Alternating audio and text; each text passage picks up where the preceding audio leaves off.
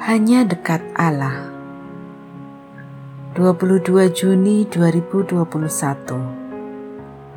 Harta yang dapat diperbarui. Amsal 27 ayat 22 sampai 27.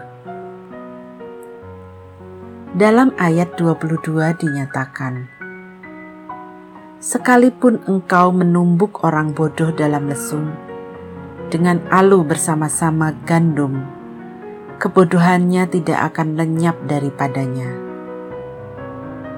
Amsal ini memang keras. Yang dimaksud dengan kebodohan di sini adalah kebebalan. Bagaimanapun, keseluruhan kitab Amsal berdasar pada pengertian akan pentingnya hikmat. Pengetahuan itu bisa dipelajari tetapi kebebalan atau ketidakmauan belajar sungguh sulit dihilangkan. Padahal itulah modal utama kehidupan.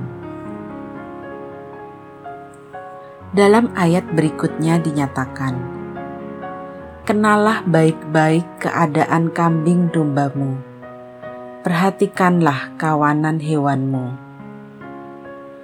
Penulis kitab Amsal mengajak umat Israel untuk mengenal keberadaan mereka sendiri.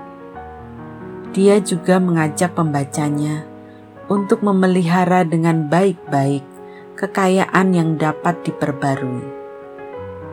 Alasannya sederhana: harta yang tidak dapat diperbarui akan lenyap seketika.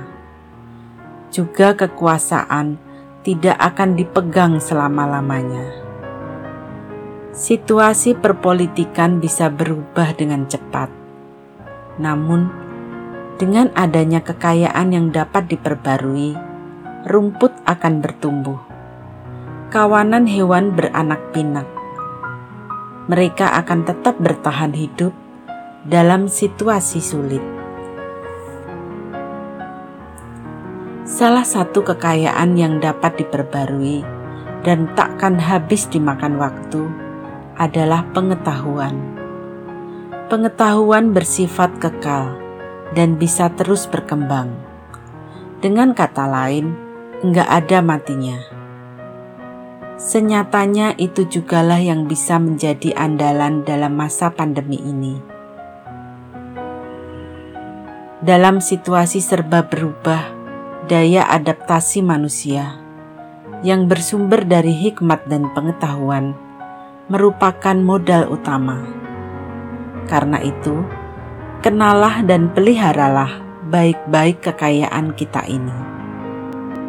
Salam semangat dari kami, literatur perkantas nasional, sahabat Anda bertumbuh.